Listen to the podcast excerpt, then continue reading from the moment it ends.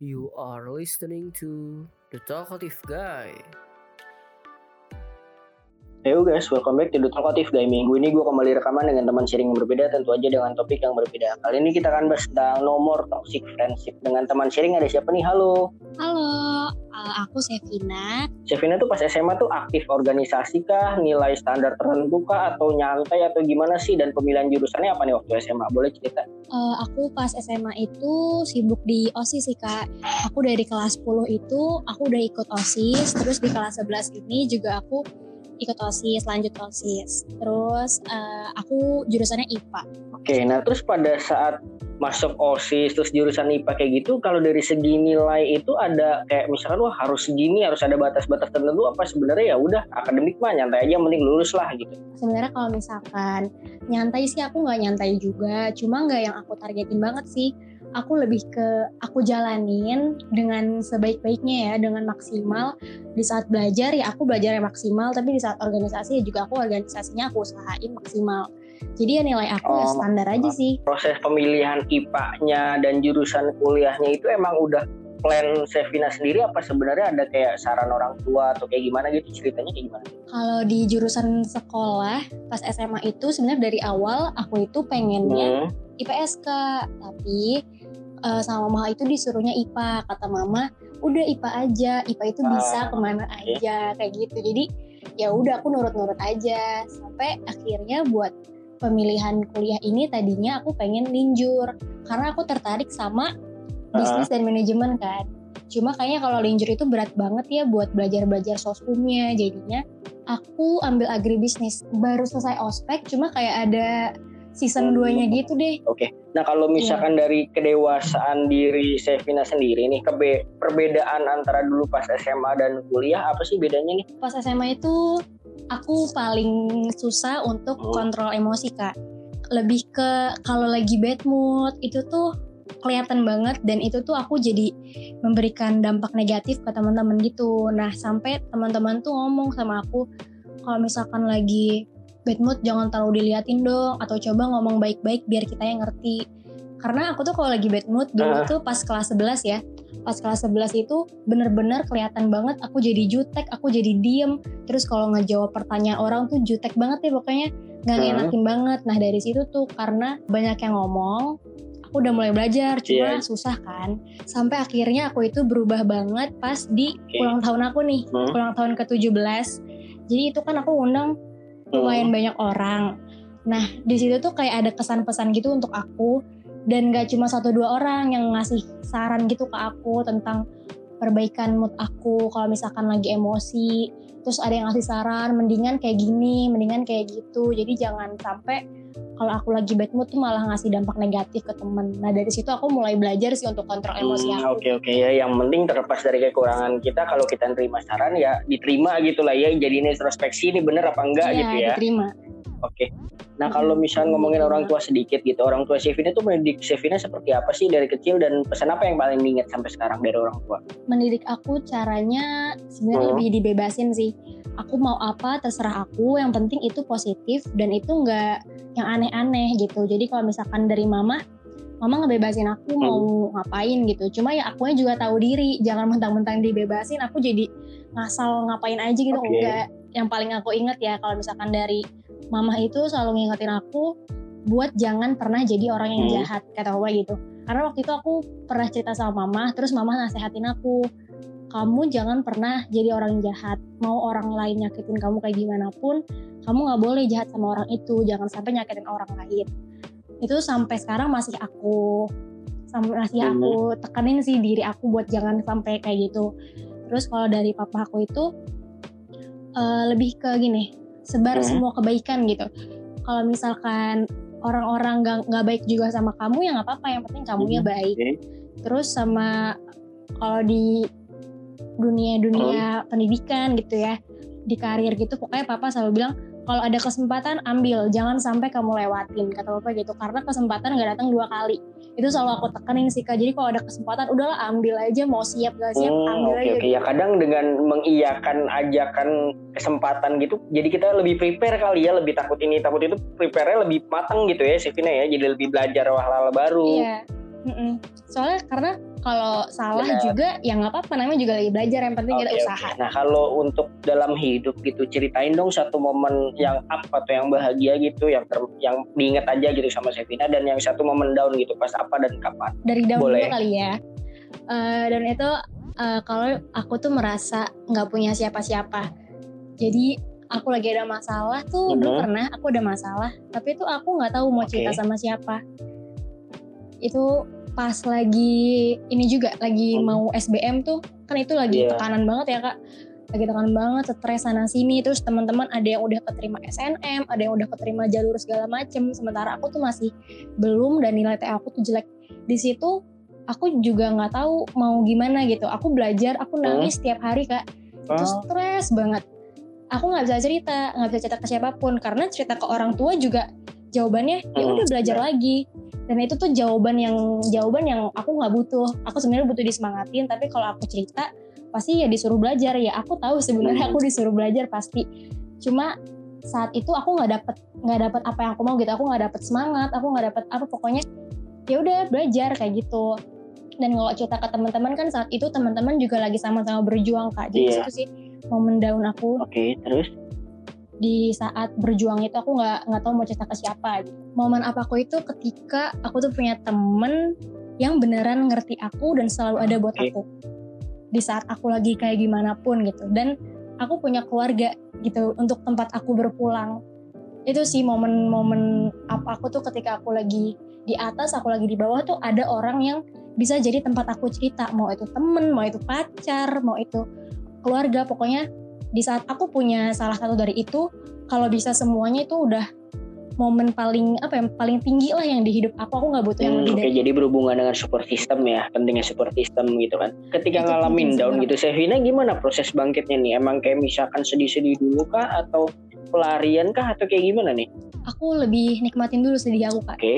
Aku Hmm. sendiri gitu aku nangis sepuasnya aku nangis sepuasnya aku sendiri aku menjauh dari orang-orang sampai aku merasa aku udah cukup nih nangis aku udah cukup sedih ya udah ayo bangkit baru deh aku usahain gitu jadi yang penting aku udah puas untuk merasa sedih dan sampai aku bosan dulu biar sedihnya itu nggak berkelanjutan Oke menarik menarik. Nah kalau anak muda biasanya identik dengan insecure, gitu kan. Di umur Sevina sekarang tuh insecure soal apa sih? aku insecure tentang eh, diri aku dari diri aku dari otak aku pendidikan aku sama karir aku ke depan terus aku juga insecure-nya sama Hmm. fisik sih kak cuma fisik kadang-kadang aja Hmm, Oke, tapi kalau misalnya yang dari dalam diri yang kayak otak segala macam kayak gitu, emang ngerasa apa sih? Maksudnya kayak ngerasa banyak yang lebih pinter kah? Atau teman-teman udah gimana kah? Atau kenapa tuh? karena aku nggak pernah merasa puas Oh, kak atas apa yang aku punya jadi aku merasa ih kurang mulu nih gue let's say aku punya Hmm. nilai 8 gitu terus ada teman aku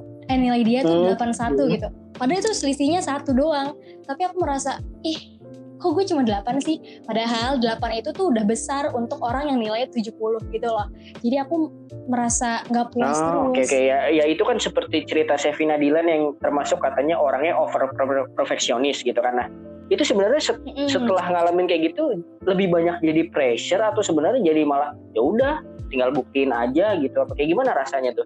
Hmm? pressure sih kak.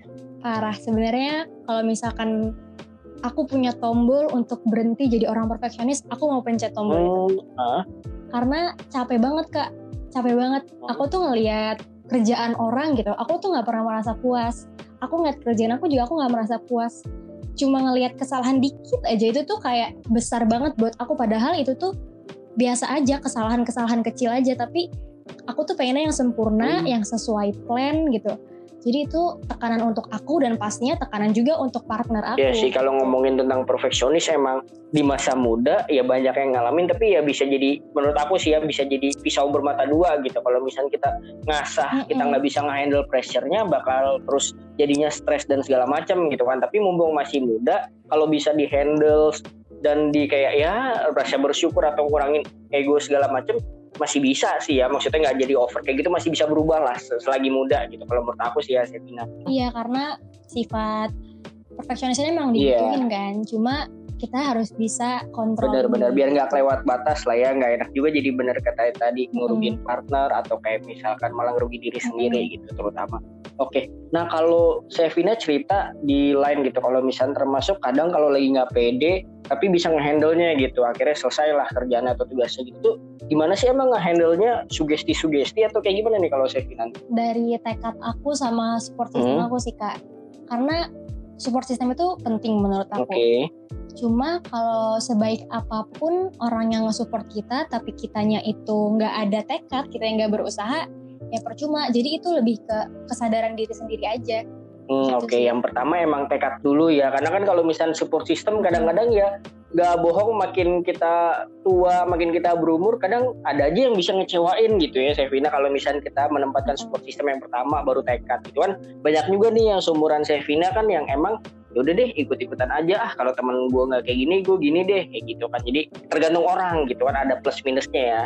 Kalau iya. misalnya kayak gitu. Nah ini kalau ngomongin sedih gitu kan di lain cerita juga kalau misalnya ketika lagi sedih gitu bisa kelihatan nggak sedih.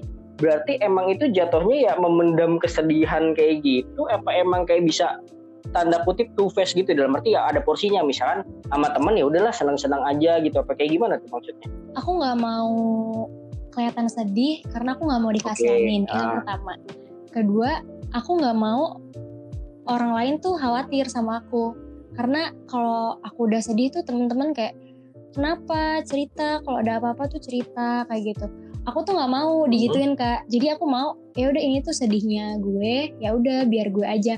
Kalau gue butuh bantuan juga gue pasti bilang. Aku tuh pokoknya gengsinya gede sih kalau dalam hal kayak gini. Jadi aku nggak pengen dikasihanin. Hmm. cuma karena hal ini pokoknya hmm. gini ya kak. Sesuatu yang berlebihan itu kan emang nggak baik ya.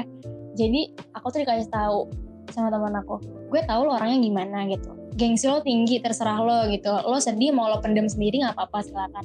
Tapi lo harus tahu kalau lo lagi sedih dan lo pendem sendiri terus itu nggak akan pernah eh, nggak uh, akan pernah selesai masalah lo. Lo tuh malah jadi tertekan yeah. doang karena manusia itu kan makhluk bersosialisasi lo tuh pasti butuh orang lain orang lain juga butuh lo. Jadi lo nggak bisa apa-apa handle kesedihan lo sendiri tuh nggak akan bisa. Pasti lo butuh orang lain. Jadi teman aku minta coba turunin gengsi segala macamnya gitu masih aku berusaha hmm, sih. Ya ya mana masih muda gitu kan apalagi maba gitu kan baru masuk kuliah nanti jadi live kuliah ini sebenarnya pengujian untuk kayak sifat, keterampilan kayak gitu segala macam gitu kan adaptasinya kayak gimana. Kalau menurut aku sih gitu ya Sevina. Iya. Oke, okay. nah kalau misalkan ngomongin soal pertemanan gitu sebagai tema obrolan kita malam ini gitu, arti pertemanan buat Sevina apa sih emangnya? Arti pertemanan itu mereka yang ngerti hmm. aku, mereka yang nerima aku, dan kita tuh bisa saling menerima saling berbagi.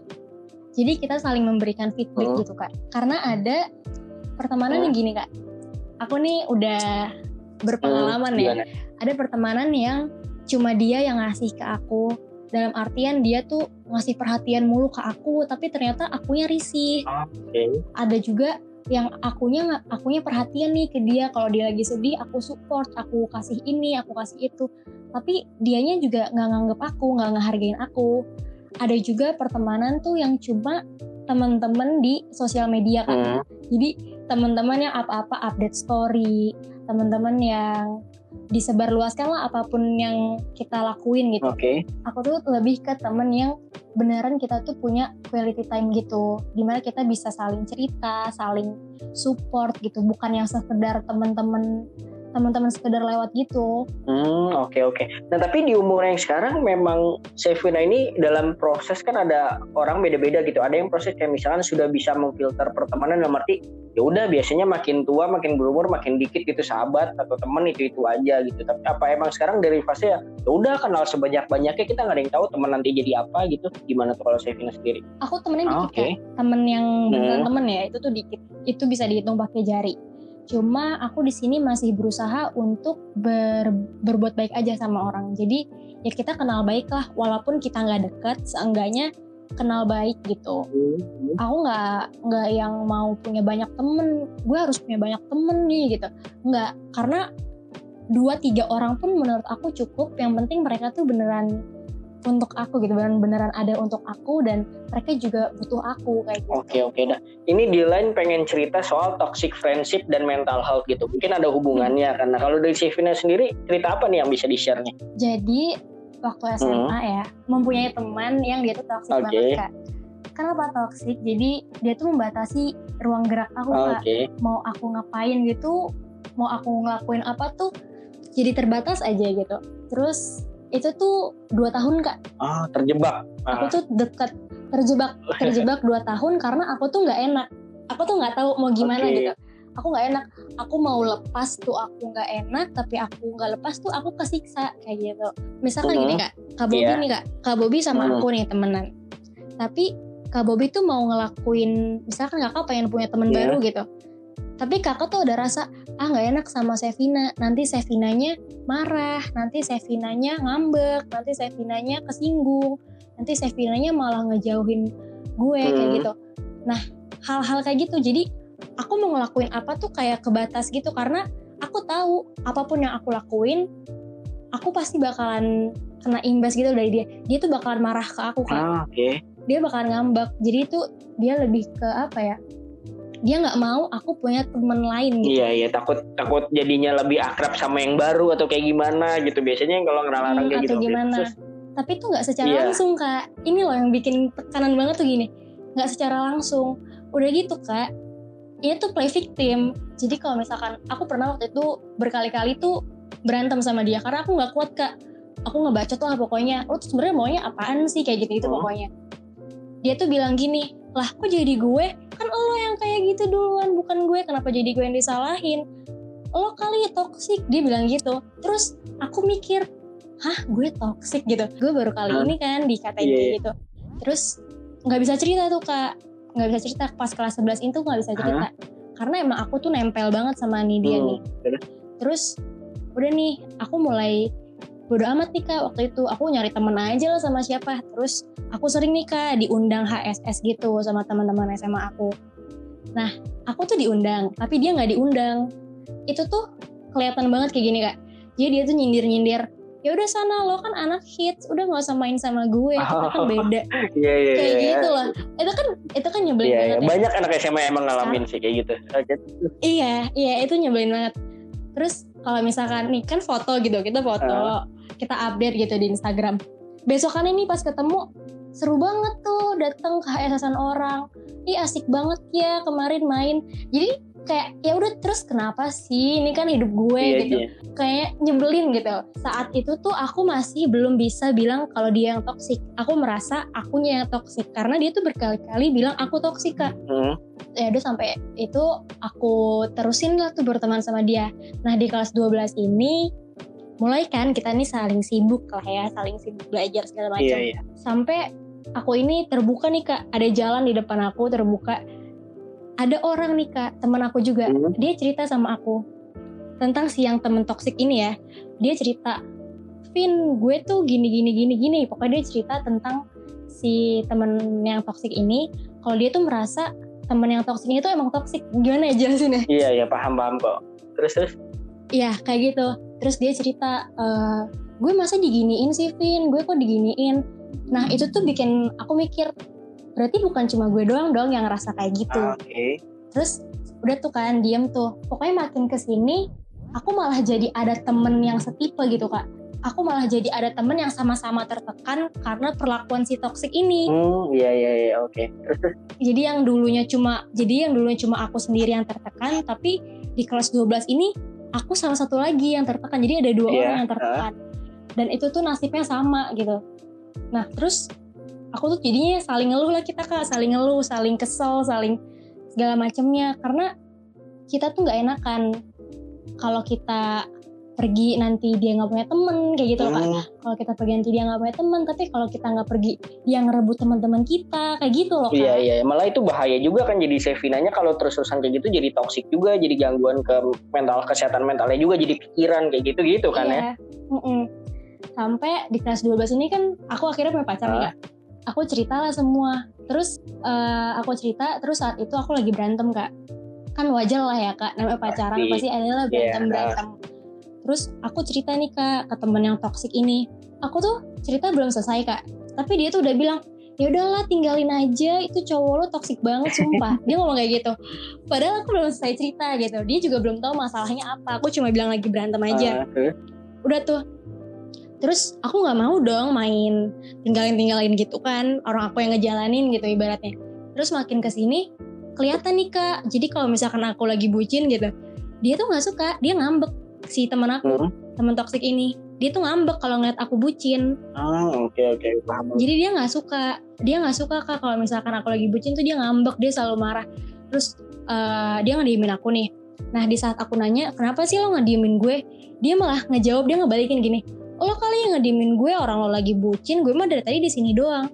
Padahal tuh padahal tuh nggak ngediemin sama sekali kak. Hmm, iya iya. iya. dan teman aku yang tahu hal ini tuh nggak cuma satu dua orang udah banyak banget yang bilang udah sih tinggalin aja teman kayak gitu nyiksa doang. Terus ada yang bilang lo jangan sampai kelihatan sedih di depan dia gitu. Yang ada dia malah Iya, seneng. malah makin ngelunjak sih pasti. iya malah makin ngelunjak.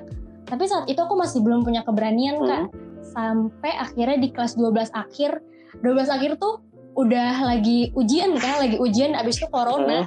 Itu aku baru misah dari dia. Nggak tahu tiba-tiba aku kebuka aja gitu jalannya. Soalnya waktu itu ada masalah nih sama dia berantem. Biasanya tuh kak aku tuh minta maaf minta maaf kak sama dia. Yaudah iya gue salah gue minta maaf maaf ya kita baikan. Karena gue nggak enakan kan kak. Hmm. karena aku orangnya nggak enakan. Jadi aku minta maaf mulu. Tapi saat itu tuh aku udah enek banget aku muak banget.